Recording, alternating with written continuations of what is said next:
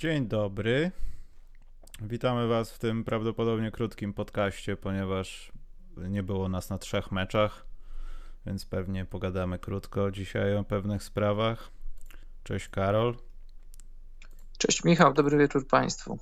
Ja myślę, że możemy zacząć od y, newsika, który mówi, że. Znaczy, to jest taki newsik chwiejny mocno, bo to są jakieś raporty. Ja widziałem panią Miriam Swanson, która powiedziała, że gdzieś ktoś powiedział, że no styczeń w tym, styczeń w tym roku, y, sezon w tym roku nie powróci.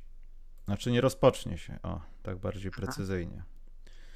I tam też powstała taka informacja, Karol, że liga robi wszystko, żeby zagrać 82 spotkania w tym terminie. To będzie jednocześnie oznaczało, że no chyba też będziemy grali trochę w wakacje.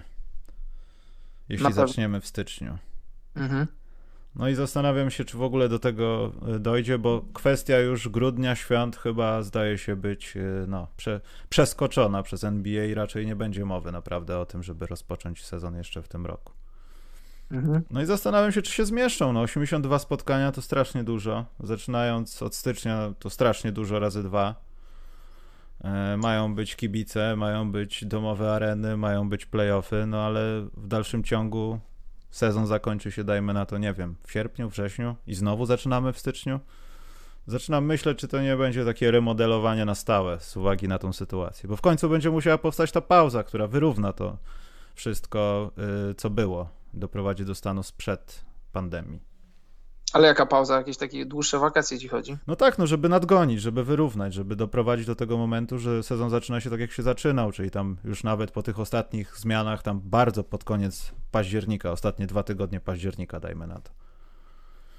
No ciekawe właśnie, bo, bo poruszana często kwestia jest, żeby zaczynać sezon w grudniu, czy nawet pod koniec grudnia, żeby nie kolidować y, prawdopodobnie z NFL, nie wiem, nie śledzę, ale chyba z NFL i, I wiesz, jak przyszły sezon zacznie się w styczniu, to, to nie będzie nad NBA żadnych, y, żadnych ram czasowych, nikt nikogo nie będzie gonił, więc 82 mecze będą rozegrane i rozciągnięte w czasie, tak jakby ten sezon normalnie się zaczynał pod koniec października i, i pewnie jak się zacznie w styczniu, to skończy się odpowiednio długo, tak żeby zmieścić normalny sezon z normalnymi, zredukowanymi back-to-backami, zredukowanym, yy, zredukowanymi pięcioma meczami w 7 nocy i tak dalej a ten kolejny, jeszcze następny sezon, 21-22, no też zacznie się kiedy się zacznie. Wszystko będzie zależało od tego, jak bardzo da się e, stłoczyć. Znaczy oni nie będą chcieli stłoczyć, tylko będą chcieli, będą chcieli zacząć, kiedy, kiedy będzie dobry klimat ku temu i zagrać normalny, pełny sezon.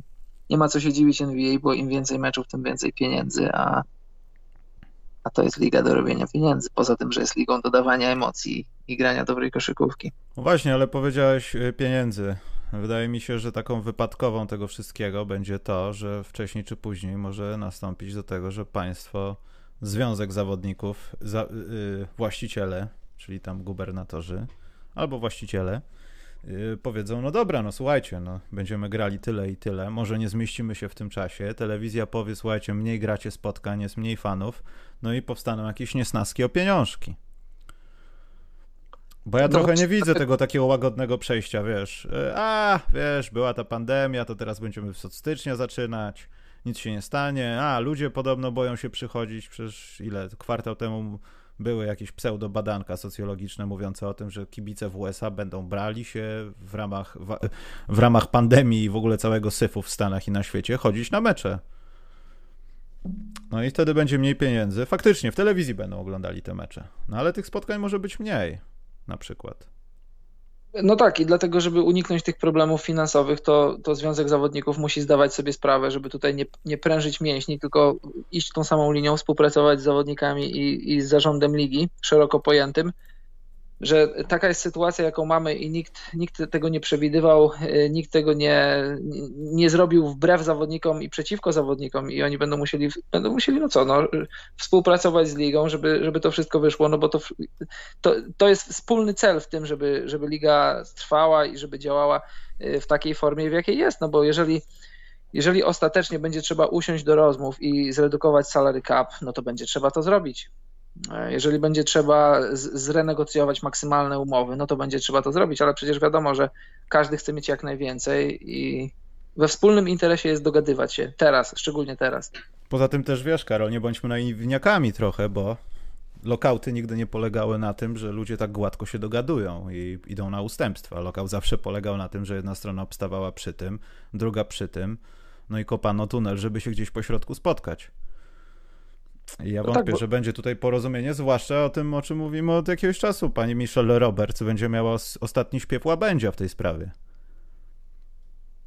No, Michelle Roberts od, odpada, odchodzi, co by się nie wydarzyło, więc może jakimś... Ale jeszcze, ale jeszcze może tam coś, wiesz, może tam jeszcze coś podkopywać i ten następca już może nie mieć tak, tak łatwo. Nabruździć. Nabruździć. A poza tym, no co by nie mówić, babka miała i ma, podejrzewam, olbrzymi wpływ. Jest pewnie świetnym negocjatorem, dyplomatą albo, albo wykształconym człowiekiem w takim zawodzie, że potrafi to jakoś wszystko, kolokwialnie mówiąc, złapać za jaja i powiedzieć, dobra, dość, dogadajmy się, bo to już wystarczy. I no nie ma gadki, czy to jest pani Roberts, czy to jest pan Roberts, to jest po prostu twarda osoba. Zapewne to prawda, ale te, te wszystkie socjotechniki nie działają podobno na Patryka Beverleya. Pamiętasz o tych doniesieniach z bańki? Patrick Beverly jeszcze nie miał kontaktu z FSB i nie pił herbaty, także on nie wie, co mówi. Tyle powiem. Natomiast y, Michelle Roberts musiała chodzić do tej samej podstawówki, co pani Betty, bo to jest chyba ten sam kobiety, taki typ właśnie, że tutaj niby tak miło, miło, ale jak coś to proszę za linię, bo inaczej mam paralizator w rękach. Możliwe. Bardzo możliwe. E, czekaj, ja zobaczę na czat, bo tutaj są jakieś. Krzysiek, słuchaj, nie wiem, ja monitorowałem sprawę, ja powiedziałem, że, że tam się mają porobić rzeczy, pewnie zaczęły się dziać rzeczy albo w poniedziałek, albo dzisiaj dopiero, także cierpliwości, no ja nie, nie mogę nic więcej niż tylko pogonić. Napiszę jutro maila, co się dzieje w tej sprawie, ale spoko, w końcu przyjdzie, no. 10 zespołów nie gra od marca, dla nich to będzie 10 miesięcy przerwy. No właśnie podobno, i tutaj już Chicago, wkraczamy do akcji Chicago Bulls, podobno Chicago już mają jakiś pseudo-obozik treningowy, bo oni szukają sobie coacha teraz, dość namiętnie, no i y, jedna osoba jest y, jak gdyby ma nie być. Nie jestem przekonany do końca, czy się zaczęły, czy lada dzień się zaczynają te obozy Chicago i w ogóle tych słabszych drużyn. Natomiast Chris Dunn już nie jest jak gdyby na tym obozie, ma go nie być, także to tam już coś się dzieje, więc tyle. Poczekaj, Marcu coś pisze. Siema wszystkim, w końcu praca pozwala odsłuchać na żywo, a nie z odtworzenia. No bardzo ładnie. Mam nadzieję, że cię nie wyrzucili, tylko że masz wolę. Zmieniłeś pracę? Wziąłeś kredyt? Wziąłeś kredyt, zrobiłeś to, co mówił pan Bronisław. Dobrze, przejdźmy dalej. Yy, ponieważ mój. Właśnie nie wiem, jak to rozwiązać, Karol. Myślę, że może porozmawiajmy o tym, co się wydarzyło w tym meczu numer 3 Boston z Miami. Czyta, słyszałem, Karol, y, wypowiedź, że jeden z ekspertów od NBA powiedział Miami ostatnio. Naprawdę? Tak, niestety tak. I... Polski czy zagraniczny? Nie, no oczywiście, że polski. Nie ma innych ekspertów od NBA, myślę, tylko są polscy. Mhm. Czy nie?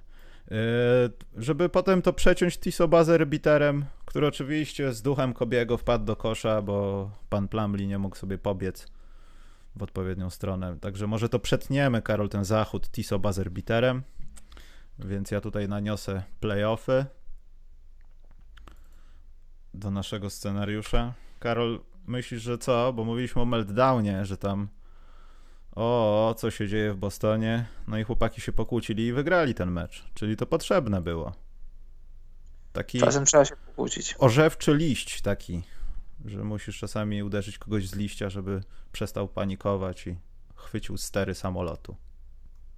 Widziałeś ten filmik e, z basenu? Tak, widziałem, widziałem. Kampery ze smartem się mocują. Takie ocieplanie wizerunku trochę, ale bardzo dobrze. Właśnie ja tak trochę podejrzewałem podskórnie, że właśnie te, to jest tego typu konflikt, który ma konflikt, no jakaś, nie wiem, wybuch emocji, który ma za zadanie po prostu postawić niektórych ludzi do pionu, a nie dziabnięcie focha, jak może się odowiemy o tym niedługo.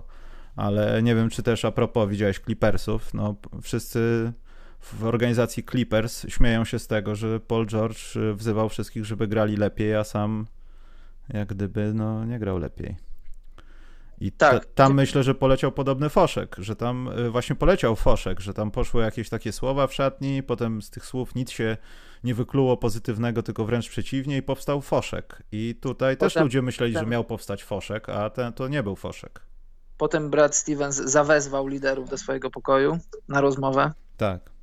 To też jest dosyć charakterystyczne i takie znamienne, że Brad Stevens, osoba, która no znasz jego zasługi i oglądasz NBA, jest wszystko w porządku. Ale jakbyś popatrzył na niego tak z boku i popatrzył na Markusa Smarta, no to ja nie wiem, czy w takim Chicago ktoś by się posłuchał e, trenera Stevensa. Bo no nie wygląda na kogoś, kto ma charyzmę. Masz na myśli na ulicach Chicago? Na ulicach Chicago, w szatniach Chicago, wiesz, to, to nie jest gość, o którego bije charyzmą na pierwszym spotkaniu. Na ulicach Chicago to można się, nie można, ciężko się dogadać, nie mając przy sobie tak zwanej klamki. Tak zwanej e, tej dziewiątki, jak to mówią. No. A tutaj tymczasem no, postawieni zostali wszyscy do pionu, ale wydaje mi się, że oni sami sobie to zrobili, że, e, że Stevens to trochę tylko tak posklejał, bo to wynikało po prostu z. E, sam to zresztą zauważyłem, bo właśnie będzie kącik potem Monsunu o moim back-to-backu. Że to zawodnicy sami chcieli zająć się sprawą, bo uważali, że nie zrobili roboty takiej, jaka powinna być zrobiona a nie, że po prostu graliśmy słabo i tak dalej. Po prostu byli źli na to, że stać ich na więcej.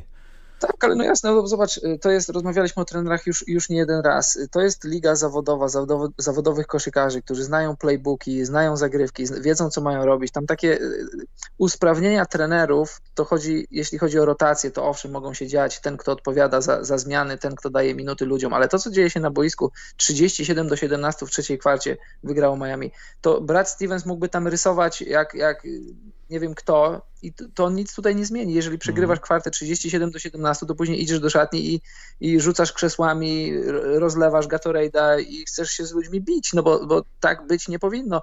I czy tutaj Smart był prowodyrem tej bitwy?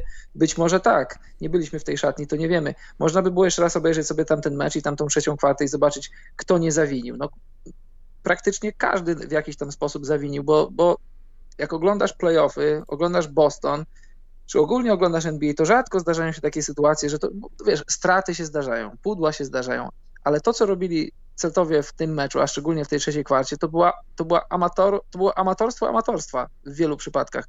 Nie tylko tracili piłki, tam było takie taka, nie tyle nonszalancja, no bo nie można mówić o nonszalancji w, w finale konferencji. Tam się działy takie rzeczy, że tam Miami robiło kontry 3 na 1 albo 3-0 nie powinny się takie rzeczy dziać i oni dobrze o tym wiedzą. Oni, Boston jest dużo lepszy niż, niż ta ich trzecia kwarta.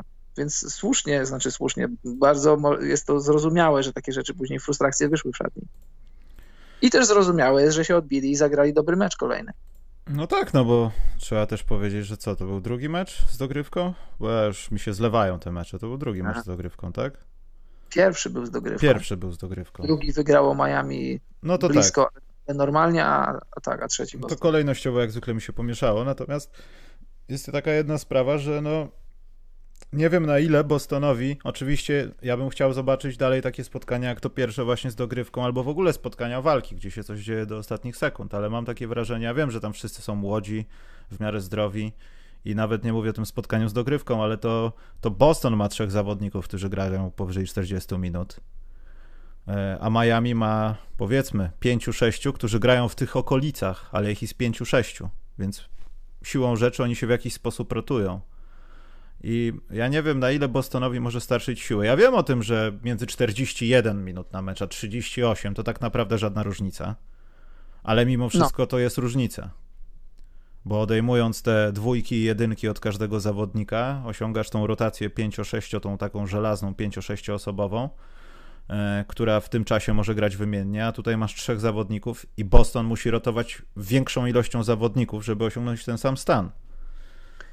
I to jest bardzo kłopotliwe, podejrzewam. No w, tym, w tym wygranym meczu to w zasadzie Boston grał sześcioosobową rotacją, bo, bo miałeś pierwszą piątkę, która grała, grała no swoje pierwszopiątkowe minuty, w tym trzech zawodników powyżej 40 a miałeś od razu na dzień dobry Haywarda 31 minut. Mm. Trzech innych zawodników Który wrócił zagrało w zasadzie, poniżej, no. tak, tak, poniżej 10, więc można powiedzieć, że ta rotacja była, no w sumie dziewięciu zawodników zagrało, tak, dziewięciu zagrało w sumie, ale, ale rotacja taka meczowa to była sześcioosobowa, no bo sześć osób grało, grało najcięższe i najdłuższe minuty, no i to może no ciekawe, jakby doszło do meczu szóstego czy, czy siódmego i małe szczegóły będą, będą być może decydowały o, o losach serii no to te zdrowsze, świeższe nogi przynajmniej na papierze są po stronie Miami.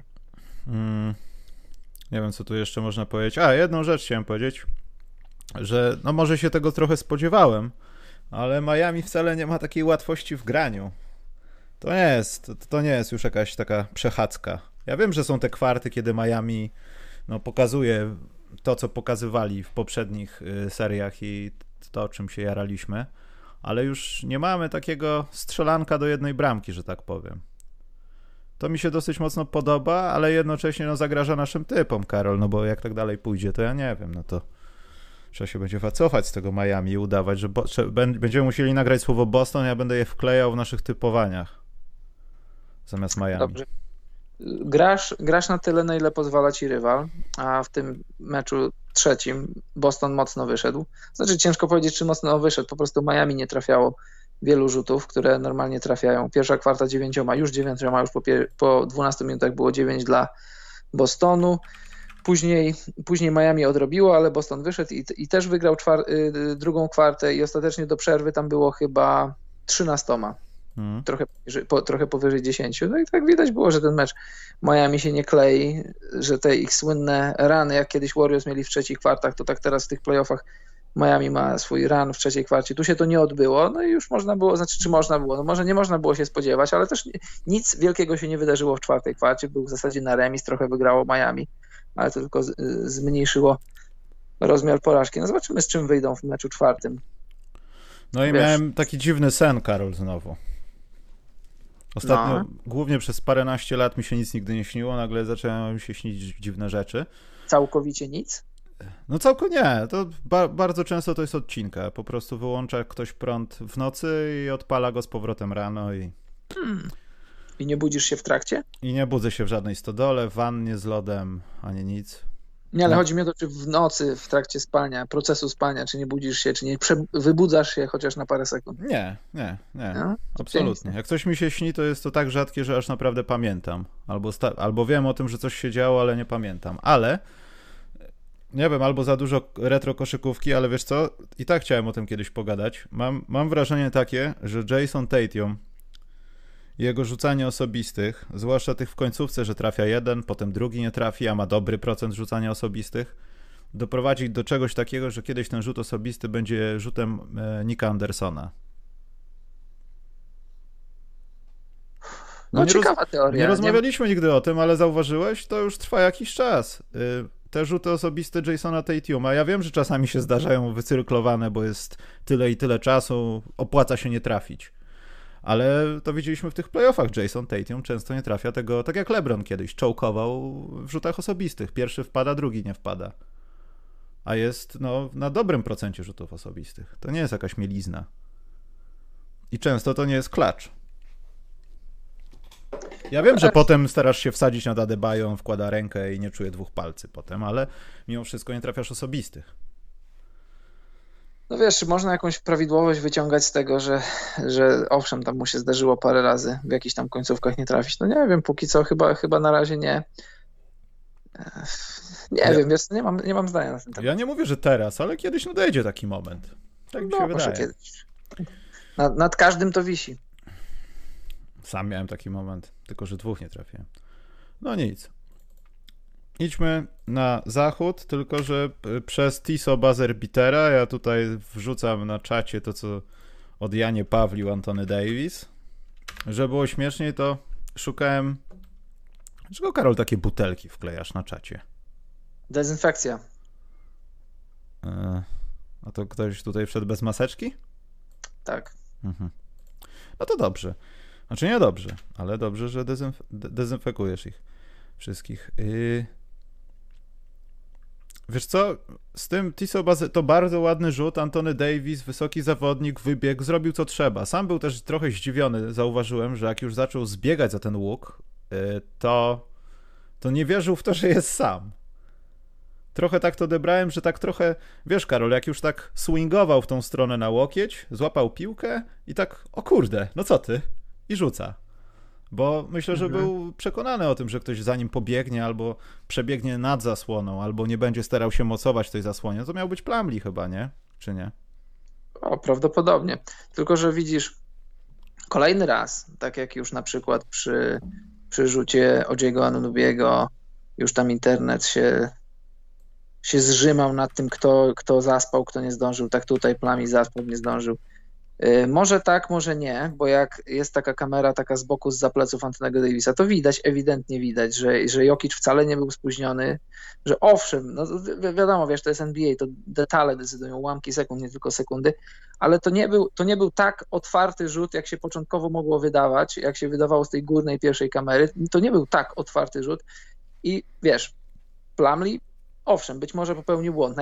Najprawdopodobniej popełnił błąd, miał pobiec z Antonym Davisem, ale gdyby Rondo podał piłkę do Lebrona, to byśmy powiedzieli geniusz, podwoił, jeszcze jakby, jeszcze jakby Lebron nie trafił. Y, pytanie, nie wiem, czy Mike Malone się na ten temat już wypowiedział, czy tam miało być switchowanie wszystkiego z wyjątkiem Lebrona, czy miało być switchowanie wszystkiego, wszystkiego z podkreśleniem wszystkiego i po prostu Plumlee zaspał, czy, czy tam było złe przekazanie, może on już krzyczał switch, a ktoś nie usłyszał, ale podkreślam, Jokic wcale nie był na tak straconej pozycji, jak, jak, jak internet jedzie po Plamlim, a Plamli to jest Bogu ducha winny, przecież to jest, to jest role player średniej klasy i co, co tu się zrzymać? Jakby to był, jakby Kałaj zaspał, jakby tam zaspał jakiś... Nie, jakby Kałaj zaspał, to by ludzie powiedzieli w internecie, e, jak zwykle człowieku, czego ty się spodziewałeś? Nie, jakby tak, jakby Kałaj zaspał, to by powiedzieli, że on to przeczytał inaczej i tam powinien pójść switch i by pewnie krytykowali tego gościa z rogu boiska Bogu Ducha Winnego, który no. nawet nie uczestniczyć w akcji. No, cieszmy się tym rzutem, no bo jeszcze raz, spójrzcie na sekwencję, sekwencję wydarzeń. Biegnie Anthony Davis, świetna praca nóg, fantastyczne podanie rondo. Jeszcze raz podkreślam, świetna praca nóg wysokiego koszykarza. Dostaje piłkę, składa się do rzutu, trafia trójkę na wygranie meczu. Rondo świetnie podaje, a wy tracicie czas w internecie na to, co zrobił Plumlee, co tam powinno pójść. Ludzie, ludzie internetu. Więcej, więcej pozytywnych treści. No, no, no, ludzie. Natomiast wiesz co, mnie to bardzo zdziwiło to, yy, znaczy to, co powiedziałeś, to też jest prawda, no tam pewnie było więcej rozwiązań, w tym kilka na przypał. Yy, też nie pamiętam, czy w tej sytuacji Lakers jeszcze mieli timeout? Chyba nie. Żeby jeszcze, jeszcze coś tam zrobić, jak 5 sekund nie wyjdzie.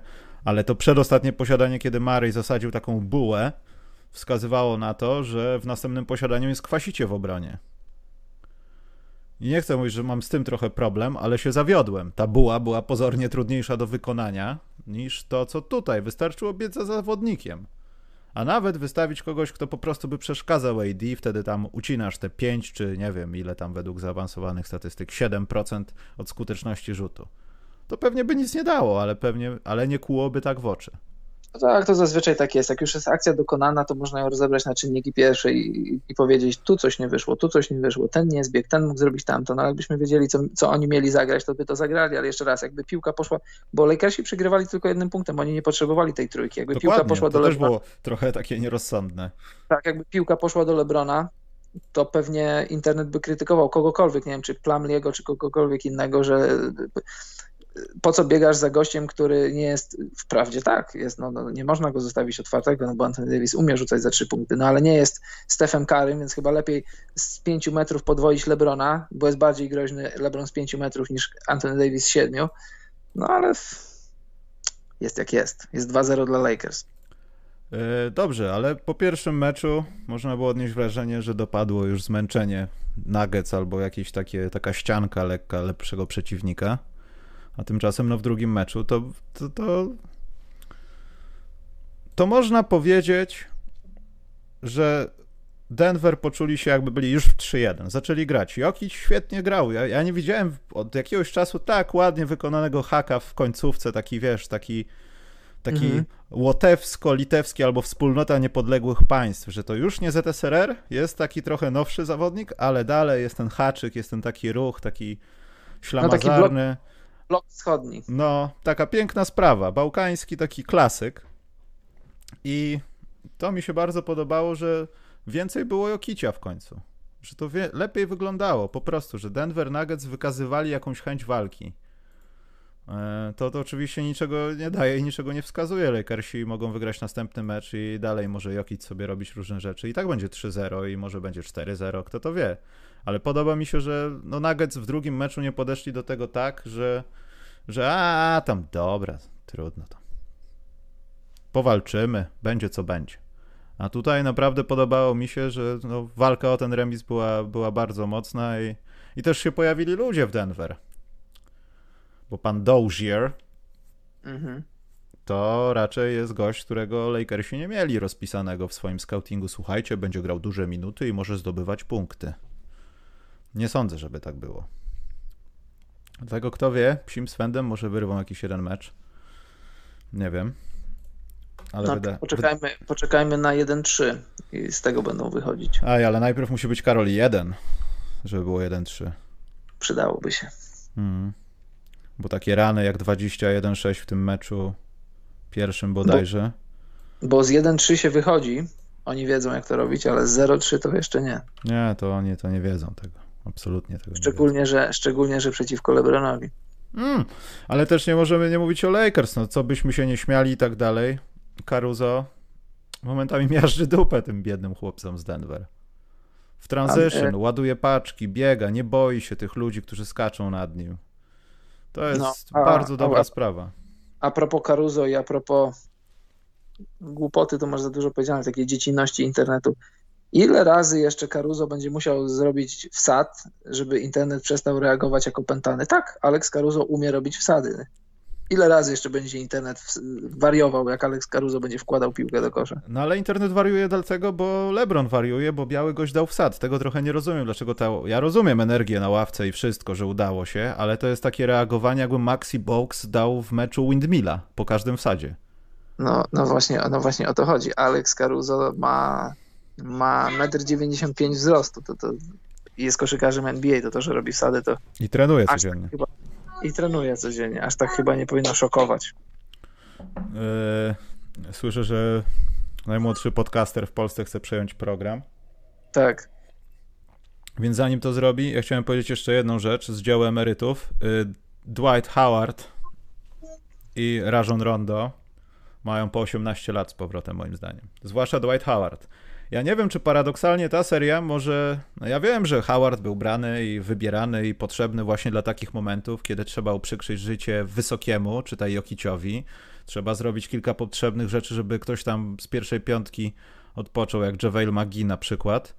Ale w tej serii widzę odbudowę Dwighta Howarda taką trochę, trochę ala Miraż, ale po tej serii będziemy mówili, co zrobi Dwight Howard w finale, czy ewentualnie jak spotka Bama Adebayo, to pokaże mu, kim jest i tak dalej, bo Dwight się odbudowuje w tej serii.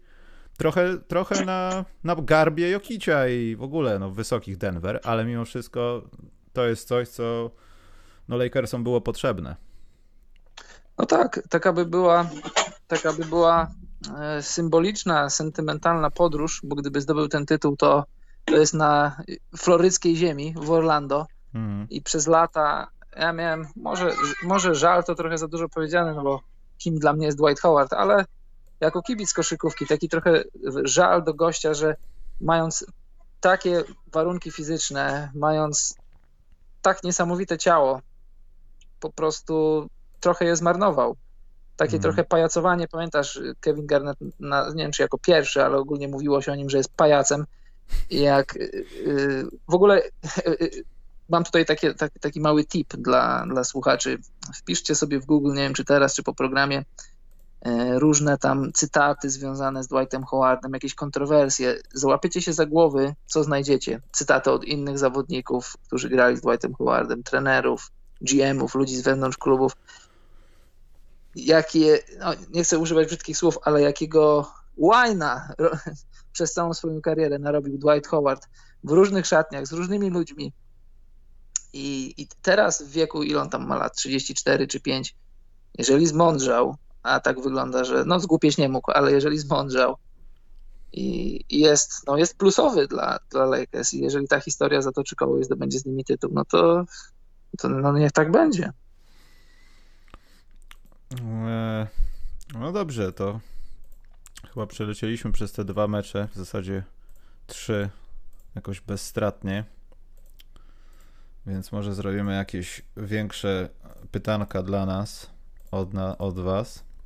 Coś chciałem technicznego powiedzieć, ale jak zwykle zapomniałem, Karol, nie wiem. Może mi się przypomni. E, natomiast dzisiaj wracamy do gry. Według moich obliczeń, bo prowadzę tutaj takie małe statystyki. O właśnie, jedną rzecz, Karol, bo to, to też jest trochę śmieszne. to będzie dzisiaj 48 dzień rozgrywek. W sensie nie to, że to 48 dni siedzą w bomblu, tylko że to jest 48 tak. dzień meczowy. O, tak to no, nazwę. bo siedzą, siedzą, siedzą dłużej już. No. Ponad 60. No i to grubo, coś koło 70 nawet. Bo 60 było, jak trenerzy mówili o tym, że ich rodziny nie mogą przyjeżdżać i był wielki raban. To wtedy padały słowa 60, chyba Mike Malone mówił o tym, nie pamiętam. Może Frank Vogel? Może. E, I wygląda to tak, że najwięcej zwycięstw w playoffach, w ogóle w całym Bomblu, licząc z playoffami, ma Boston, ma 14, Miami ma 13, Lakersi mają 13, Denver ma 11, ale ja nie o tym, bo jednocześnie w tym dokumencie z zapiskami zrobiłem sobie taką, Karol, wynotowałem, bo AD krzyczał Kobe po tym rzucie i tak dalej. Jak wyglądają Lakersi w tych koszulkach Mamba Edition, wiesz, że tam te czarne koszulki. Co wyszło? I wyszło, że rzucają tylko gorzej osobisto od przeciwników, ale w trzech spotkaniach są plus 10 i naprawdę przyzwoicie grają. No plus minus ten ostatni mecz, no bo dwa pierwsze spotkania w tych ich koszulkach zakończyły się znacznie większymi różnicami punktów, a tutaj no tylko było w zasadzie jedno posiadanie różnicy, można tak powiedzieć. I to trochę zaburzyło obraz, ale faktycznie widać, że w tych koszulkach oni lepiej rzucają na przykład z dystansu. To oczywiście to jest żadna poszlaka i tak dalej. Ale następny raz grają chyba mecz, jest rozpisany mecz numer 5 w tych koszulkach. Może go nie będzie i zaczną tak finały NBA. I nie wiem, co mam o tym myśleć, ale widziałem, że internet zwariował na ten temat. Aż musiałem to wszystko wynotować i policzyć i sprawdzić, czy to prawda jest. I to jest właśnie ciekawostka techniczna. Ja wrzucę ten link e, wam na czat, ale znalazłem Karol stronę, która nazywa się, ja nie wiem, dla mnie to jest coś nowego. Pewnie większość osób o tym wie, jak zwykle ostatni się dowiedziałem, ale ona nazywa się Locker Vision. I można centralnie wejść w każdy mecz i zobaczyć, jakich strojów rozgrzewkowych, koszulek przedrozgrzewkowych, czapek, barw i tak dalej używają przed meczem zawodnicy, którzy grają. Z tego co widzę, to jest oficjalna strona NBA, bo jest y, na aliasie NBA.com zrobione Locker Vision, ale to jest naprawdę bardzo ciekawa strona. I napotkałem ją w ramach tego liczenia, no bo chciałem zobaczyć, ile tak naprawdę razy Lakersi grali w tych koszulkach. Nigdy nie znałem tej strony. Ja również i wyglądała od początku jakoś podejrzanie, ale jednak ona jest mimo wszystko z NBA. I tam na przykład wchodzisz sobie na ten mecz jakikolwiek, który będzie dzisiaj i widzisz w jakich edycjach tam będzie napisane, ale też graficzna prezentacja w jakich edycjach, jakie koszulki te rozgrzewkowe mają, bla bla bla bla. Także taki tip. Fajne. Już wszedłem właśnie. I tam na górze, żeby zobaczyć spotkania, które się odbyły, to po prostu trzeba odhaczyć to hide yy, Archive czy coś takiego, już nie pamiętam. No i Adam Silver nie byłby komisarzem tej ligi, gdyby nie można było od razu kupić sobie tych rzeczy. No nie, no oczywiście jest link do sklepu, no. Co ty myślisz? Że on taką okazję przepuści? Ale tak. powiem ci, że nie zdawałem sobie sprawy, że coś takiego jest i to tak rozpisanego perspektywicznie do przodu, o. do tyłu. E. I odsyła do europejskiej wersji, europejskiej gałęzi sklepu NBA.com. Hmm. Fajnie. Wszystko jest pomyślane. I nawet jak tam się wejdzie na ten obrazek, to widać te koszulki rozgrzewkowe, dresy, jaki będą miały kolor. Tak, tak, widzę właśnie. A tak. przesyłki idą z Tel Awiwu. Mm. Dokładają czapeczki do każdej wysyłki. Takie bez daszka. e, Marek Ławrynowicz miał pytanie, więc może przejdźmy do sekcji pytanek. A, jedną rzecz jeszcze zapomniałem. Tak, ja pamiętam o tym, że jakieś klucze do NBA 2K11, 21, dlaczego 11 cały czas mówię? 2K21 miały być rozdawane, tak będą. Tylko muszę ogarnąć tutaj kilka spraw i wymyśleć jakiś chytry konkurs, ale już mam coś w głowie. Więc spokojnie, to będzie. E, pytanka od Was, już nanoszę. Tam Marek miał pytanie, poczekajcie, ja muszę to tylko wstawić. O. Więc dobrze. E, Karol, jakiś komentarz do zastawienia piąt zestawienia piątek, które wrzuciłeś wczoraj u siebie na fanpage'u. Kto obecnie w NBA ma najbardziej niedoszacowany kontrakt? Aha, wrzuciłem, jak to internet, jest niezbadany internet, tak wrzuciłem sobie jako ciekawostkę pięciu zawodników, których y, powszechnie uważa się za dobrych, czyli Bam Adebayo, Jason Tatum, Luka Doncic, e, kto, kogo tam jeszcze miałem, e, Jamala Mareya oraz Sheja Gilgisa Aleksandra. I tam wyszło w sumie, ci goście w tym sezonie zarobią 27 milionów dolarów. Wiadomo, w ramach nadal debiutanckich umów. I zestawiłem to z piątką John Wall, Tobias Harris, Al Holford, Otto Porter i Andrew Wiggins. I tam wyszło ponad 150 milionów. I się hmm. posypało w komentarzach, że ty się nie znasz, że zapomniałeś, że to są ruki kontrakty. Ja wrzuci, ja tu tylko tak to zostawiłem, a, a, a nie, nie pokusiłem się o żaden komentarz, ale internet jest internetem, z internetem nie wygrasz.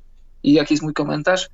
E, no nie ma żadnego komentarza do tych piątek, no bo to są, to są jak, jak internet zauważył, to są zawodnicy na, na, na mocy kontraktów debiutanckich, więc zarabiają tyle, zarabiają. Każdy z nich jest potencjalnym e, max zawodnikiem. Tym bardziej, że Jamal Murray już podpisał tego maxa w, zeszłym, w przyszłym roku już wchodzi, już wchodzi w życie jego maksymalny kontrakt. Całą resztę prawdopodobnie czeka to samo. Myślałem, że całą resztę przepije. Słuchaj, za, jeśli zaprzewije, to za swoje będzie pił. A, a pytanie tutaj na czacie brzmi e, niedoszacowane kontrakty, no oczywiście pomijając debiutanckie, prawda, to musiałbym się chwilę zastanowić. Chyba, że ty masz w tym momencie jakieś, Michał. Wiesz co, ja, się, ja boję się używać tego stwierdzenia niedoszacowane, czy doszacowane i tak dalej, bo tak naprawdę za każdym tym kontraktem, który może nie odpowiada wartością do prezentowanych umiejętności na boisku, są zawsze jakieś czynniki, które są wymówką i są całkiem niezłą wymówką i ciężko jest to oceniać. A jak potem ta ocena zbiega się do tego, co ja bym zrobił na ich miejscu, to prawdopodobnie po pół roku miałbym krwioka u takiego treningu, jakbym poszedł z marszu do NBA, do NBA. Żygałbym krwią i wydzielał tylko krew swojego organizmu bez zmęczenia, więc też chyba bym nie chciał tak oceniać tego. Poza tym pamiętajmy o jednej rzeczy, to jest, ja to nazywam sprawą mózgowa, ale to nie przez mózgowa. Mózgow jest po prostu dobrym przykładem, który utkwił mi w pamięci. Jak podpisano Collective Bargain Agreement, powstała minimalna podłoga w klubach NBA te kluby, które były biedniusi i nie miały kogo podpisać, dawały Mózgowowi 90 baniek na ileś lat, żeby przynajmniej wyrównać tą podłogę, żeby tam nie dopłacać do niewykupionego miejsca, na turnusie, że tak powiem, bo tam jest coś takiego. Więc to też może być przeszacowanie tego typu, że jakiś zawodnik był w jakiejś drużynie i dostał tyle pieniędzy, ponieważ trzeba było dać komuś tyle pieniędzy. Tak, a poza tym nie ma co się dziwić i nie ma co wieszać psów na, na ludziach. Każdy na ich miejscu zrobiłby to samo jeżeli masz zaplecze w postaci tego, że masz tam jakieś umowy sponsorskie z różnymi firmami, jeżeli jesteś medialny i znany, jesteś dobry, to, to pieniądze z samej NBA są owszem ważne, ale nie najważniejsze, ale dla większości koszykarzy NBA, większości. Idziesz tam, gdzie, gdzie dają ci najwięcej, to jest proste, nie można, nie można mieć do nikogo żalu. A z tym kapflorowczem, i to, to, też beneficjentów tej, tej, takiej, takiej, a nie innej struktury y, umowy między zawodnikami a ligą, no, widzimy wszędzie, widzimy pełno.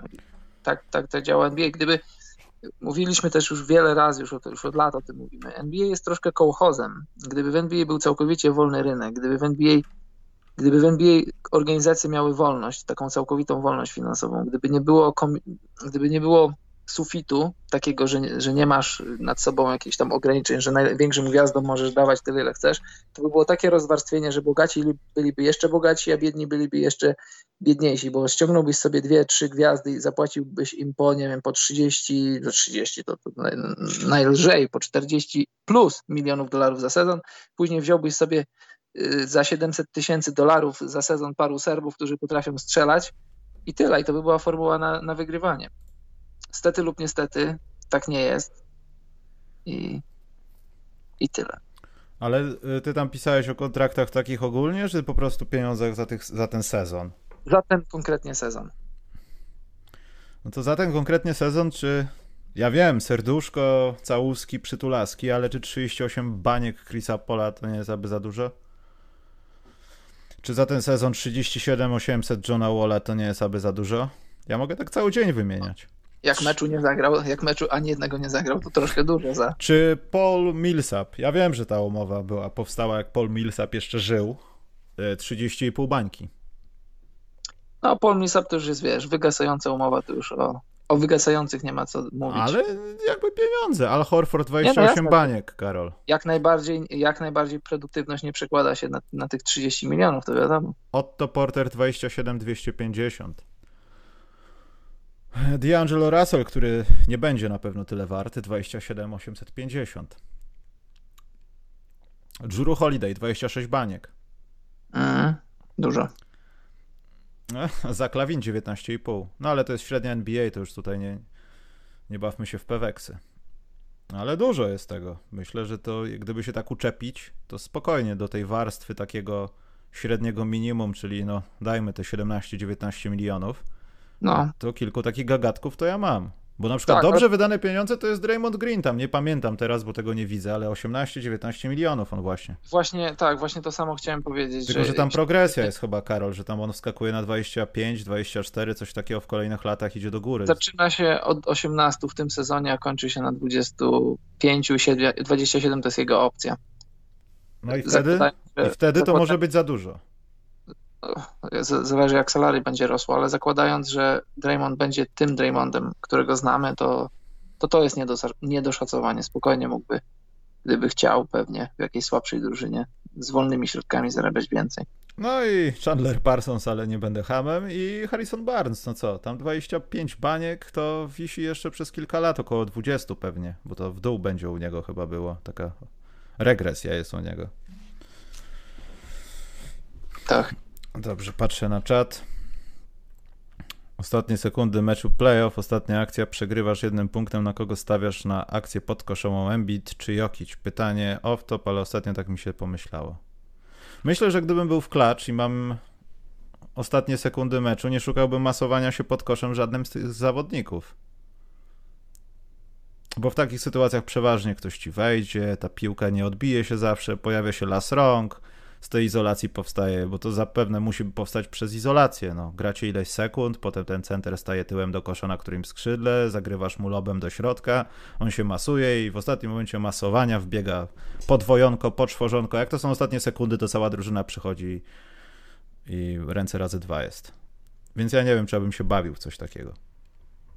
Ja daję piłkę Jokiczowi, no w zależności od tego, ile mamy czasu. Jeżeli mamy kilka sekund, a nie jedną. I rzuca z pół dychy to daje Jokiczowi, bo on może zrobić wszystko. Może spróbować się pomasować, może spróbować rzucić, minąć, albo gdy jest podwojony, czy nawet potrojony, odegrać piłkę może. Embiid ci nie odegra piłki. Jak ją Ale, odegra, to... No poczekaj, Karol. Jak ją odegra, poczekaj, jak ją odegra, to kibice będą ci ją podawać z, z 15 sekund. albo będą już płakać razem z tobą. E, nie, ale bardziej ja przemyślałem to pytanie e, jako to, że masz tą jedną ostatnią akcję, a nie kombinujesz żadne odgrywanie. E, ta gdyby inicjatywa w ofensywie ma być twoja na koniec i po prostu jest Embiid Jokic. Bo to, że no to odegrasz, tak. to też bym to robił, ale... Daję Jokiczowi, bo Jokic może zrobić mi wszystko. Wszystko, może zrobić mi wszystko to, co, to, co robi Embiid, plus może rzucić, a Embiid też może rzucić, ale Jokic robi to lepiej. Są dwa, niby para pytania dotyczące finałów. Tomeczek 74 zapytał, które meczapy rozstrzygną finał Lakers Miami? Adebayo AD oraz wszyscy ludzie, którzy będą na Lebronie. Ale właśnie, to jest ciekawe, czy jeśli Anthony Davis będzie dalej katował pół dychę, jak to robi, i trójki też katował, jak to robi, czy Adebayo jest na pewno najlepszym pomysłem na to, żeby jako pierwszego go wypuszczać na Davisa?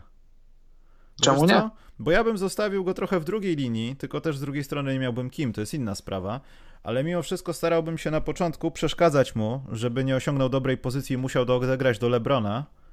I może wolałbym, żeby inicjatywa była po stronie Lebrona, bo tam mam y, u siebie mam Igiego, mam Demara Karola, mam Jimmy'ego Butlera i mimo, że to jest Lebron, paradoksalnie może być mi łatwiej go okiełznać. Bo wydaje mi się, że główną bronią Adebayo nie jest to, że jest duży, jest bardzo mobilny, potrafi od biedy rzucić jak w jakiś pokrętny sposób, ale coś tam jest, ale że on przyjmuje tych ludzi, jest ostatnim takim, no w zasadzie granicą oporu, żeby nie przekroczyć naszej granicy defensywy. I obawiam się, że jak AD będzie bawił się w kozłowanie i tak dalej, no to szybko zostawi Bama za sobą, pojawią się faule, a AD będzie sobie fruwał nad obręczą przez 3 sekundy. Dążysz do sytuacji, w której jeżeli będziesz zmuszony do switchu, to ten, kto się pojawi na nowym zawodniku, nie będzie, nie będzie przepaścią, nie będzie dziurą. Dlatego na przykład no między innymi Enes Kanter nie gra, bo o ile coś tam może ci dać w ataku i coś tam może dać y, na zawodniku, którego kryje nominalnie, to jak, jakikolwiek switch na jakimkolwiek niższym zawodniku to kończy się śmiercią ale przy Adebayo, no to wiesz, to, to, już jest głowa obu trenerów w tym, żeby neutralizować Adebayo, jeśli chodzi o Vogela oraz Spolstre, żeby, żeby próbować wy, wykorzystać to. Jeżeli będziesz chciał być tym, który zeswitchuje na Antonym Davisie, no to oni prawdopodobnie będą próbowali robić tak, żeby ten switch się nie wydarzył, a jeśli ma się wydarzyć, no to Spolstra będzie musiał, będzie musiał szybko zareagować, czy nominalnie create, czy będzie po switchu. Tam się będą działy ciekawe rzeczy i no jak dla mnie to są, to są dwa podstawowe meczapy. LeBron przeciwko ludzie, którzy będą go kryli i AD przeciwko Adebayo oraz ludzie, którzy będą go kryli. Hmm. Co tu się dzieje jeszcze? Jak skomentujecie statement Lebrona odnośnie MVP 2020? Ja nie słucham statementów Lebrona po tym, jak on dał wykład o tym, że on musi pilnować swoich czarnych dzieci, żeby broń Boże policja ich nie biła i trzy dni potem jego syn pali blanta i nakręcił to w internecie. Ja nie słucham Lebrona w takich kwestiach chyba. Widzisz, y, ojca nie ma dwa miesiące w domu i już gdzie nie ma kota, tam myszy harcują. Znaczy, też Karol, nie róbmy sobie wielkiej tragedii, że chłopak, który jest w zasadzie pełnoletni i dorosły, może na to metryka nie wskazywać, ale wizualnie jak najbardziej, zapalił sobie blancika z kolegami.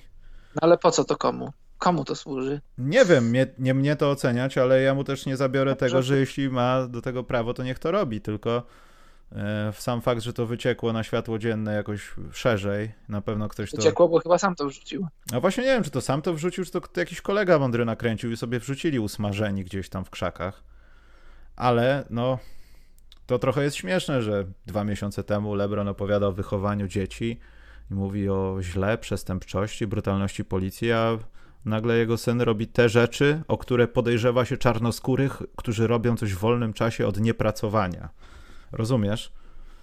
Tak, rozumiem. No ja tam nie potępiam ludzi za palenie. Ja też nie, ale to jest dosyć ciekawe, no w sensie ja bym pilnował się, skoro mój stary dał taki wykład na temat wychowania młodzieży, żeby po prostu usmażyć się w krzakach z kolegami, a nie w internecie, na Instagramie, no. Może robił to w krzakach, ale później mu się mm. odpaliły różne rzeczy i poszedł do internetu. No to ojciec mógł go ostrzec, myślę, że też próbował.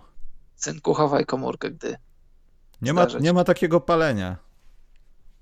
A wracając do, do tych słów Lebrona, że dostał tylko 16 głosów na MVP, to jest bardzo ciekawy temat, który został już poruszony w internecie i tam zostały, zostali dziennikarze, którzy mają głos, to jest tylko 100 dziennikarzy mm. ze Stanów Zjednoczonych i z Kanady, którzy mają co roku głos. Nie wiem, czy to się odbywa jakąś tam rotacją, być może tak, ale chodzi o to, że oni zostali rozbici na czynniki pierwsze, kto jak z nazwiska głosował na różne rzeczy. I to jest moim zdaniem troszkę problem dla, dla NBA, bo jeżeli dyskutujemy sobie, kto może być MVP, kto może być najlepszym obrońcą i tak dalej, i tak dalej, rozbijamy każdą nagrodę, to co do kilku nazwisk przy każdej nagrodzie możemy mieć jakieś tam argumenty, jakieś tam.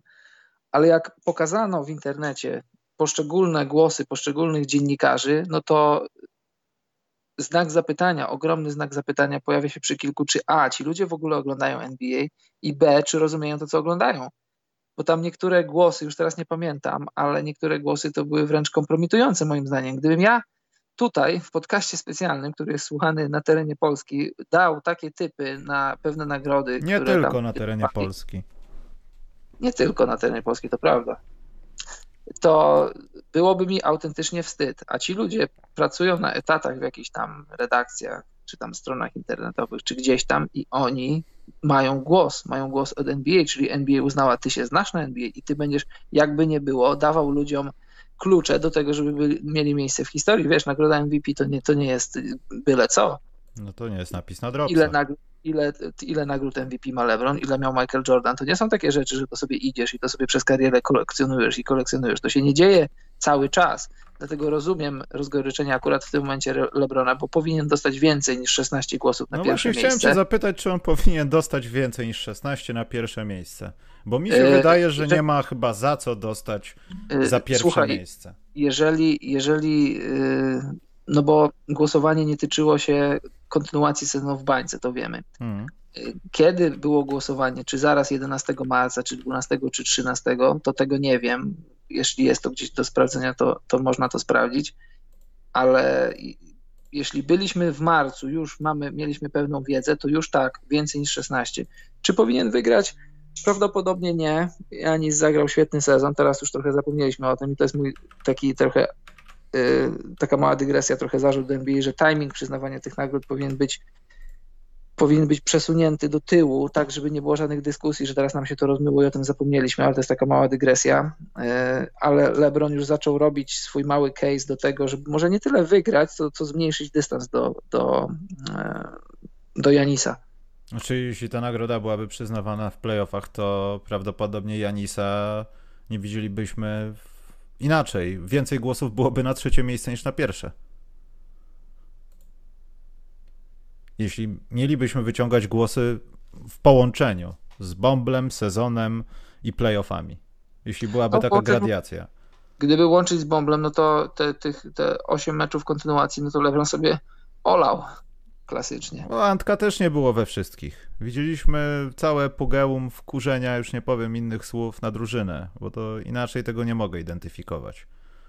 To była frustracja momentami. Te akty wkurzenia, te rzeczy, których nie widzieliśmy u Antka i on też pewnie był zdziwiony, że tak reaguje, tak jest czasami, już nie chcę powiedzieć hiperagresywny, ale taki wyprowadzony do granic równowagi z równowagi.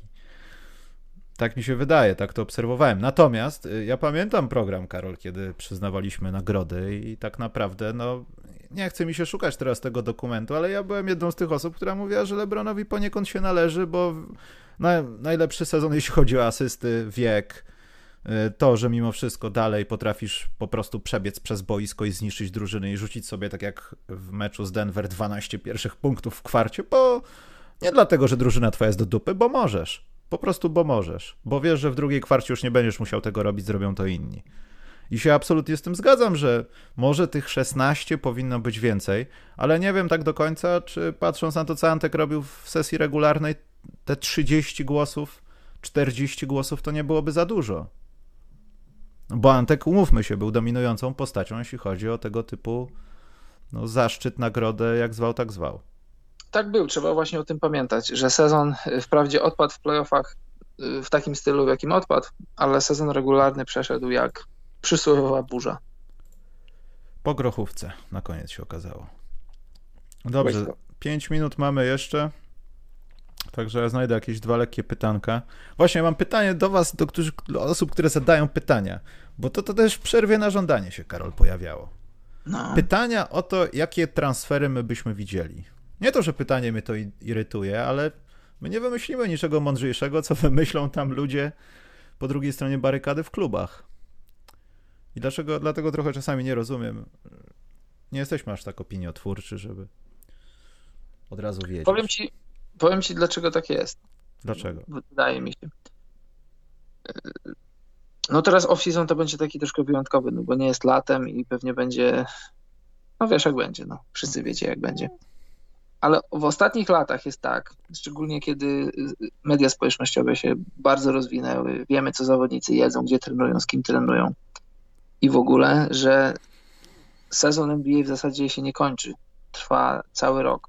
Skończą się mecze, skończą się finały, a potem się zaczyna sezon transferów, sezon zmian klubów, łączenia się w wielkie dwójki, trójki.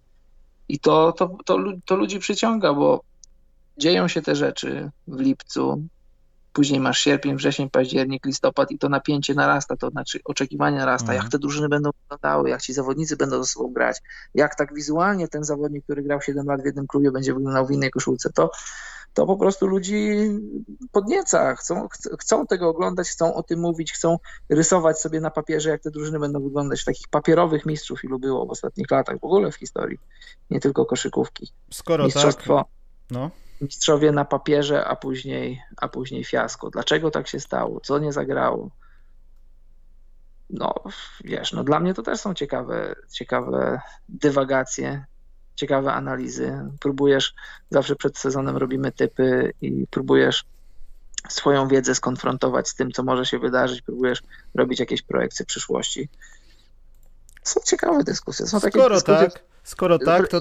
No. Jedno zdanie, ostatnie zdanie. To są takie dyskusje, że jak nie masz o czym dyskutować, to to jest zawsze dobry moment, żeby o czymś pogadać. To tak samo jak, jak w takiej zwykłej dyskusji aborcja i eutanazja. Nie masz o czym gadać, odpal aborcję i eutanazję i wtedy zawsze zawsze się znajdą tematy do dyskusji. Ja wolałbym nie sprawdzać tego, bo po prostu left the building jest, e, niż e, słuchajcie, nie ma o czym gadać, to pogadajmy o eutanazji i bandach UPA. Nie, to Karol lepiej wyjść z pokoju. Ale takim razie, dokąd zostanie wytransferowany Chris Paul? Gdzie najlepiej by pasował? Bucks, Sixers, Clippers i tak dalej. Każda z tych wymienionych drużyn. Nie, powrót do Clippersów? A co nie? Nie. Pod, pod skrzydła do Riversa pewnie już nie wróci, no bo nie po to odchodził, żeby wracać, Mhm. ale Filadelfia, dużo, dużo ich potrzeb. Chociaż nie, chociaż nie, wiesz co? Nie, to zabieranie Paul- piłki komuś to powinien Właśnie się tak, rozwijać tak. na tej piłce, nie. Właśnie o to mi chodzi. Jakby Chris Paul wszedł do Filadelfii, to, to tam Ben Simmons zacząłby obrastać w tłuszcz w meczach, by się ruszać nie musiał w ogóle, a że nie rzuca, to, to nie wiem, czy nawet to nie wiem, czy nawet ławka by go nie czekała. A, chociaż Chris Paul grający off-ball, czy by się na to, gdyby się na to zgodził, Ben Simmons dominujący piłkę, a Chris Paul grający off-ball, coś takiego jak, jak, jak z Hardenem, albo wspólnie z Hardenem, no wstępnie powiedziałem nie, ale teraz jak chwilę zastanawiałem, to nie mówię nie. No, Ale ja- to ja widzę Bugs bardziej, że No właśnie, nie- nie wiem, bawimy czy- się czy- w coś czy- takiego no. jak z DeAndre Jordanem, tylko ten DeAndre Jordan jest o wiele lepszy, Trochę szybszy, lepszy. skaczący, nie rzucający, chociaż myśli, że umie albo się nauczy. Jest znacznie lepszy, tylko pytanie jest takie, jak Antek będzie radził sobie w takich sytuacjach bez piłki. Te wszystkie sytuacje, które się dzieją teraz z Antkiem, to jest to, że on jest na piłce. On przekozowuje połowę boiska, on robi ten Eurostep z krokiem w bok do podkosz. To nie są po asystach jakieś sytuacje, że on wybiegł za zasłonę i dostał piłkę. Nie, on z góry biegnie kozłując, dostaje zasłonę albo nie i wchodzi w tłok i to jest koniec. A, a, a poza tym, jak charakterologicznie by się, by się Janis z Chrisem Polem dogadali, no bo obaj lubią trenować, obaj lu- chcą wygrywać, to jest pewne, to jest wiadome, tylko że troszkę na, na innych falach funkcjonują, takie mam wrażenie. Czy tam by przypadkiem jakichś zgrzytów nie było w szatni? Ale myślę, że, przepraszam, myślę, że to by pasowało do, do tego, kim chciałby zostać Antek w Bucks. No, Chris Paul na pewno nałożyłby pewnego rodzaju ciśnienie na jego głowę, na jego psychikę, że słuchaj, do tej pory to sobie żartowaliście tam, te dwa twoje tytuły MVP, wiesz, gdzie możesz sobie włożyć. Teraz zaczynamy grać w kosza, stary. I nie chcę mówić, że to będzie naciskanie psychiczne, ale myślę, że to będzie inny rodzaj, jeśli by do tego doszło, to będzie inny rodzaj grania dla Antka. Jemu się do tej pory wydawało, że gra w NBA, ale jakby przyszedł Chris Paul, to by dopiero zobaczył, jak się powinno grać w NBA. Takie mam wrażenie. A Janis na to, przypomnij mi Chris, ile lat grasz w NBA? Ile masz tytułów? A, zapomniałem. Nie, nie. Tytułów, powiedz mi, ile razy grałeś w finale konferencji? Aha, nie mam więcej pytań. No tak, no to jest ta łatka, której niestety nie zadrzemy. No.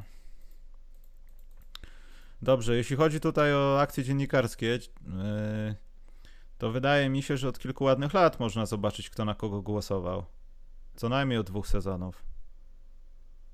Tylko, że to są rzeczy, które są dostępne, jeśli ktoś je przetweetuje albo gdzieś poda w innych mediach społecznościowych, bo do tej pory wchodziło się na NBA Media Central, jeśli ktoś mógł założyć tam konto i dostawało się pełną wypiskę.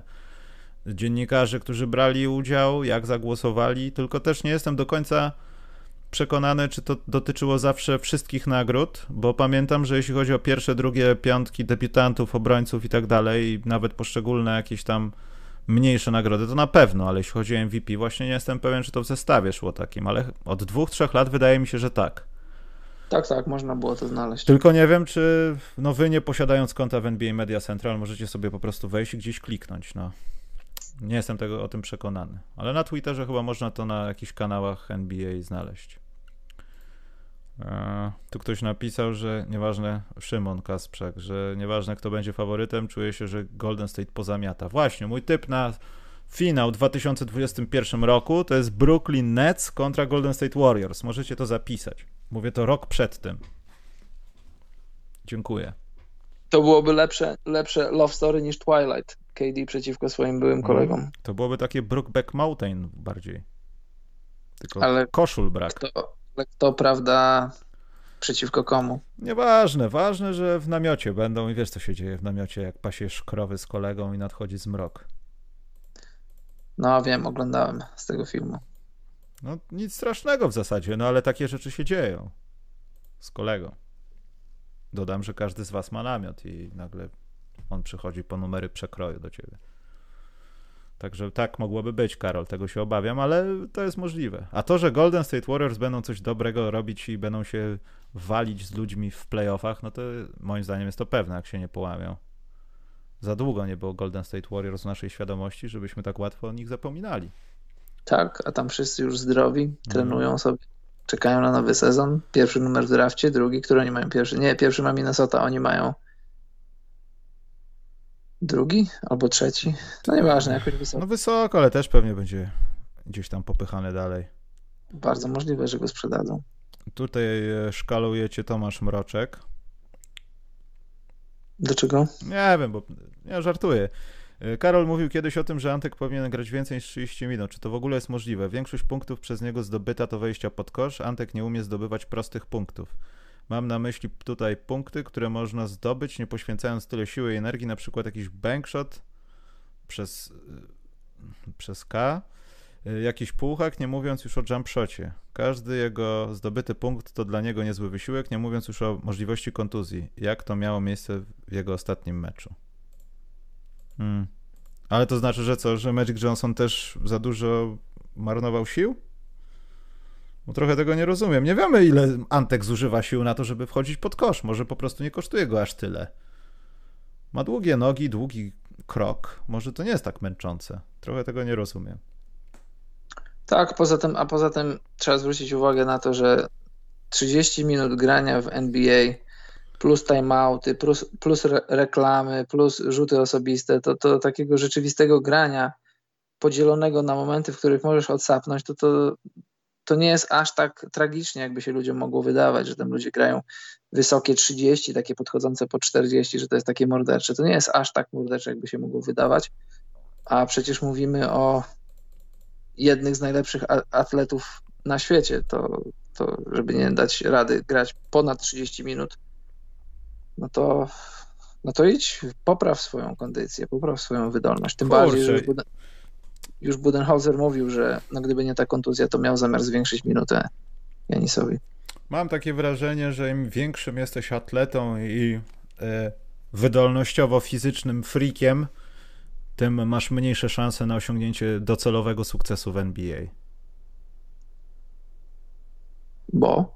No bo tak naprawdę przez ostatnie lata ilu miałeś tych zawodników, którzy zdobywali tytuły, byli pierwszoplanowymi postaciami, ale jednocześnie zdobywali, wiesz, e, no byli atletyczni, byli świetnie zbudowani, byli po prostu wybrykami natury. LeBron James? Jeden? No, LeBron James, Kawhi. No, Kawhi nie jest Kay. wybrykiem natury. No jest, jest. Nie jest. Jest zwyczajnym koszykarzem z wielkimi dło nie. dłońmi. Oj nie. No to to już sam to wielkie, to są gigantyczne, no nie są wielkie, one są gigantyczne, plus skała jest potężnie zbudowany. No dobrze, jest. no ale to jest wzorzec, który możemy gdzieś jeszcze znaleźć, że ktoś jest podobnie dobrze zbudowany. Ale, nie, ale Kałaj nie ma takich zdolności motorycznych jak LeBron James, no umówmy się. To nie jest tego typu atletyzm. No mało kto ciałem jest w stanie na, na, na Russell Westbrook jest świetnym atletą? Co z tego? Jest. Co z tego? Czyli musisz być nieatletyczny, silny i rzucać do kosza dobrze. Musisz mieć kombinację wszystkiego: atletyzmu, szybkości, siły, mądrości na boisku, rzutu, podania. No musisz być jak najbardziej kompletnym zawodnikiem, żeby mm. wygrywać. Muresan był atletyczny, tak. Od cholery. Szak był atletyczny, powiedzmy, no. No, by... Bardzo. No nie, no mam kłopoty, czy to jest atletyzm, czy to jest po prostu siła i... No tak, ale wiesz, no ale co... I mobilność, no tak, to jest atletyzm, no tak. Pod definicją atletyzmu, no jest, no jest. Michael Jordan wcześniej. Kto tam jeszcze był atletą? Bill Russell był atletą. Mhm. Wilt był półatletą, bo był wysoki, ale był atletą. No był. No był. Sean Bradley był atletą. Nie, Robinson to Fizol. To, to nie. David Robinson to Fizol. Chociaż może był atletą. No, jeśli chodzi o muskulaturę, to był. No to w takim układzie Karl Malone też był atletą. Mm. Sean May był atletą, tak. Eddie Curry był atletą i ten, Sandata Gaines też. Dobrze. W takim układzie, skoro już wchodzimy w Strumień debilizmu. Zadaje ostatnie pytanie, Karol, tego programu. Marek Ławrynowicz zapytał, w internecie pojawia się negatywna narracja i hejt na Steve'a Javiego, że podczas meczu, gdy proszony jest o komentarz do gwizdka, to zawsze zgadza się z sędziami na boisku. Co wy myślicie?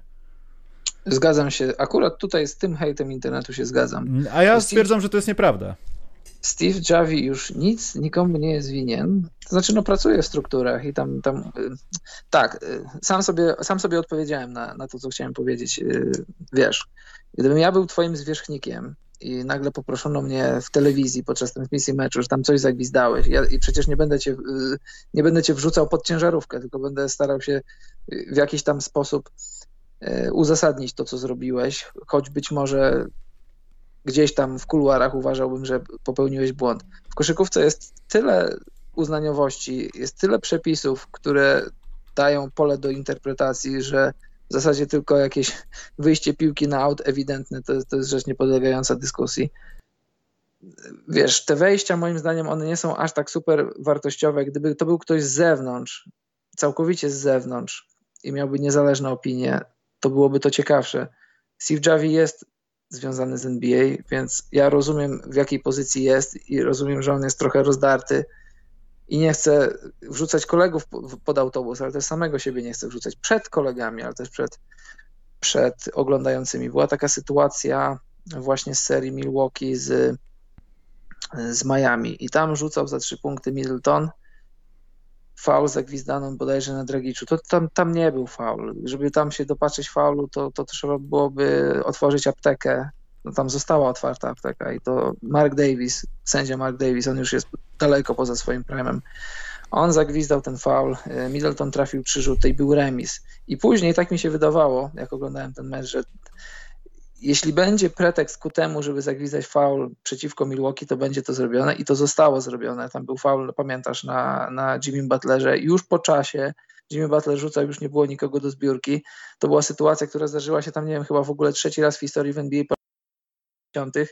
to nie wygląda dobrze i tak nie powinno to być sędziowane, a, a Steve Javi powiedział, że że on rozumie faul. Podobała mi się ta wymiana z Doris Berg. Nie wiem, czy oglądałeś ten mecz, pewnie oglądałeś, że, że ona nie kupuje tego komentarza Javiego i, i, i słusznie, no bo trzeba byłoby tam mikroskop, nie tylko okulary włożyć, żeby tam zobaczyć faul, który został zagwizdany, więc in, instytucja Steve'a Javiego nie jest mi potrzebna. Znaczy, w transmisjach NBA. Karol, czy nam się to podoba, czy nie, no to ten Pancio z, y, z Syracuse, czy gdzie tam to jest, będzie, będzie w tej telewizji, będzie tłumaczył te rzeczy. Natomiast nie zgadzam się z tym, bo widziałem na początku, kiedy powstało to centrum, to bardzo bacznie obserwowałem, jak to jest przeprowadzane i to nie jest do końca prawda, że Steve Javi zawsze mówi po stronie sędziów. Ja widziałem wielokrotnie, że Zazwyczaj. Nie powiedział tego wprost, bo też nie może tego powiedzieć. No tak jakby Adam Silver wyszedł na mównicę, dobrze. Przede wszystkim chciałem zacząć, że nasza liga jest troszeczkę do dupy, a teraz powiem dlaczego.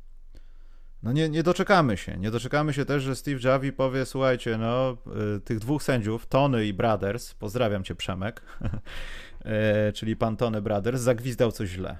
No on tego nie powie. On powie, że no, rozumiem, że pod pewnym kątem ta interpretacja może be, be, be, be.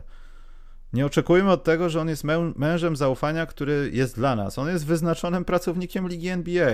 On ma mówić najwyżej w neutralny sposób, że no tak, te raporty dwuminutowe, my się przyjrzymy tej sytuacji, ale ja to widziałem, moim zdaniem to nie spodziewajmy się niczego innego i Amerykanie też nie powinni się spodziewać, zwłaszcza czegokolwiek innego w tej materii. No tak, właśnie dlatego właśnie uważam, że te jego wejścia nie są potrzebne, dlatego że on nie będzie robił kupy we własne gniazdo, a skoro nie będzie tego robił, to, to nam wystarczy komentarz komentatorów, którzy sędziami nie są, ale to, to, to jest Doris Berg, to są, to są ludzie, którzy są byłymi koszykarzami albo trenerami. On na przykład, e, nie wiem, co sądzisz o komentarzu Stana Van Gandiego, mi się bardzo podoba. Nie, no bardzo, bardzo. I, i niepotrzebny mi jest Steve Javi, żeby mi mówił rzeczy, które w jakimś tam stopniu będą się, będą się starały załagodzić. Mi niepotrzebny jest Mark Jackson. Bardziej mi razi Mark Jackson, który jeśli schodzi się na temat trójek, za każdym razem mówi hmm, wiesz, Jeff, ale pamiętasz, w Golden State to ja budowałem. Zdarzają się takie momenty. I on razem z Rachel Nichols powinni zostać wstawieni w samochód i wysłani gdzieś do PLK, żeby tam dokończyli swoją karierę komentatorską.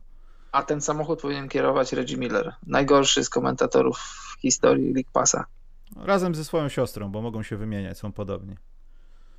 Nawet jest teoria, że grała za Reggiego podobno w meczu z Jordanem. Ale to są fakty takie ukryte w NBA. Cheryl Miller jest identyczna jak jego brat. Zapomniałem powiedzieć Karol o Monsunie, dlatego ja w następnym odcinku o tym powiem, bo oficjalnie sezon kończy się za tydzień, znaczy w tym tygodniu, w tą sobotę, bo będzie finał, więc ja będę kącik Monsunu y, prowadził w 165 odcinku. Jest też możliwość, że będzie on w tym tygodniu, bo rozmawiałem z Przemkiem i może zrobimy program ze słuchaczami, ale to jest taka wiadomość z ostatniej chwili i nie mam pojęcia, czy to wyjdzie. Więc musicie bacznie sprawdzać nasze Facebooki, kupować zegarki od Tissot, bo precyzyjnie wskazują czas do finałów. 8 dni zostało według starej rozpiski NBA. Nie wiem, czy to prawda, Karol. A jak ktoś na przykład nie chce spóźnić się na autobus, to też może sobie na taki zegarek spojrzeć no. i jak która jest godzina, to już wtedy od razu wie i na autobus się nie spóźni. Tak. A jak na przykład ktoś by chciał jeszcze sprawdzić, czy no w Warszawie zwłaszcza, nie? No bo w Warszawie to jest ostatnio modny sport, że kierowcy jeżdżą naładowani różnymi specyfikami, jak kabano z mięsem. Że na przykład jak wsiadasz z takim zegarkiem, na przykład przykładowo takim y, super sportem, który ma tachometr i mhm. przeczytasz instrukcję obsługi, jak działa tachometr, to jesteś w stanie stwierdzić, czy ten kierowca jest naładowany jak kabanos, czy nie, bo dzięki tachometrowi mierzysz prędkość autobusu. Tam się podziałka zaczyna od 400 na godzinę. Jeśli według instrukcji zmierzysz, że on jedzie 9 dych, no to już możesz wiedzieć o tym na przykład, że już wiesz, o której godzinie on jest naładowany i dzwonisz na 112, żeby na przykład on nie wyskoczył z balustrady czy coś. Tak, po to to jest. Ratuje życie. Jakby nie było. No i trzeba mieć też ekskluzywną torbę na zakupy przy okazji, że nawet jeśli ten kierowca wypadnie z balustrady i coś się wam stanie, nie daj Boże złego, to przynajmniej będą wiedzieli, że to są poważni ludzie tutaj byli. Mieli torbę od Tissot na przykład. Już o zegarku nie, nie, wspomnę. Że to nie był byle kto. Nie, tu trzeba od razu, przy, od razu w pierwszej kolejności wyciągać tą osobę, bo to jest właśnie ktoś. Takie są fakty. Dobrze, słuchajcie, lecimy. Yy, tak, wszystko powiedziałem, także może usłyszymy się w tym tygodniu, jak nie to za tydzień. W tym tygodniu może jakiś stacjonarny podcast wleci, ale mam kłopot z synchronizowaniem naszego eksperta od boksu, bo chciałem o boksie trochę porozmawiać. Marcin Góra, a wracając do NBA, co z tymi Clippersami? Odpadli, stary. Nie grają już, wiesz o już, tym. Oni już na wakacjach Nie, poczekaj, bo Marcin, a mówiliście coś o Game 7 Nuggets versus Clippers? A, tak, mówię. A oglądałeś Gaming Vol 5? Jak nie, to tam sobie obejrzyj, odsłuchaj. Że, wiem, że podpowiem, że tam nie tylko była gra, tam też była merytoryka. Znaczy tam nie było gry, tam jak gdyby w, losowo wciskałem w przyciski i dostawałem wiecznie dwudziestką, ale było trochę merytoryki, to prawda jest. To Marcin, zapraszamy Cię. Sobie odsłuchaj, było to w zeszłym tygodniu. Nie ma wersji MP3, ponieważ no to był gaming jak gdyby, więc gaming nie może być audio. audio. E, Łukasz Chylewski czy Eldo się kiedyś pojawi. Nie wiem, jego trzeba spytać bo słysząc 14 raz, że kończy płytę w zeszłym miesiącu, stwierdziłem, że już nie będę czekał ani na nią, ani na niego. Po prostu jak się odezwie, to może nagramy. Nie wiem, czy to nastąpi w tej dekadzie, ale jest spora to szansa, jemu... bo ta dekada się zaczęła dopiero, nie? Także. To jemu powinno zależeć. Nie, znaczy nie mam pretensji, Eldo taki jest. Jak weźmie się do roboty, to, to go pługiem odrywać nie idzie po prostu. No. Dwie rzeczy: nagrywki i rower. I chłopanima. Szanuję to. No ale ciężko się z nim złapać jest. On miał być w 50 odcinku, więc Łukasz, mm, rozumiesz o co chodzi. Nie mam pretensji, ale tak jest. Dobrze. To Karol, twoja kwestia, idziemy. No dobrze, to dziękujemy drodzy Państwo za dziś i dobranoc, mili ludzie.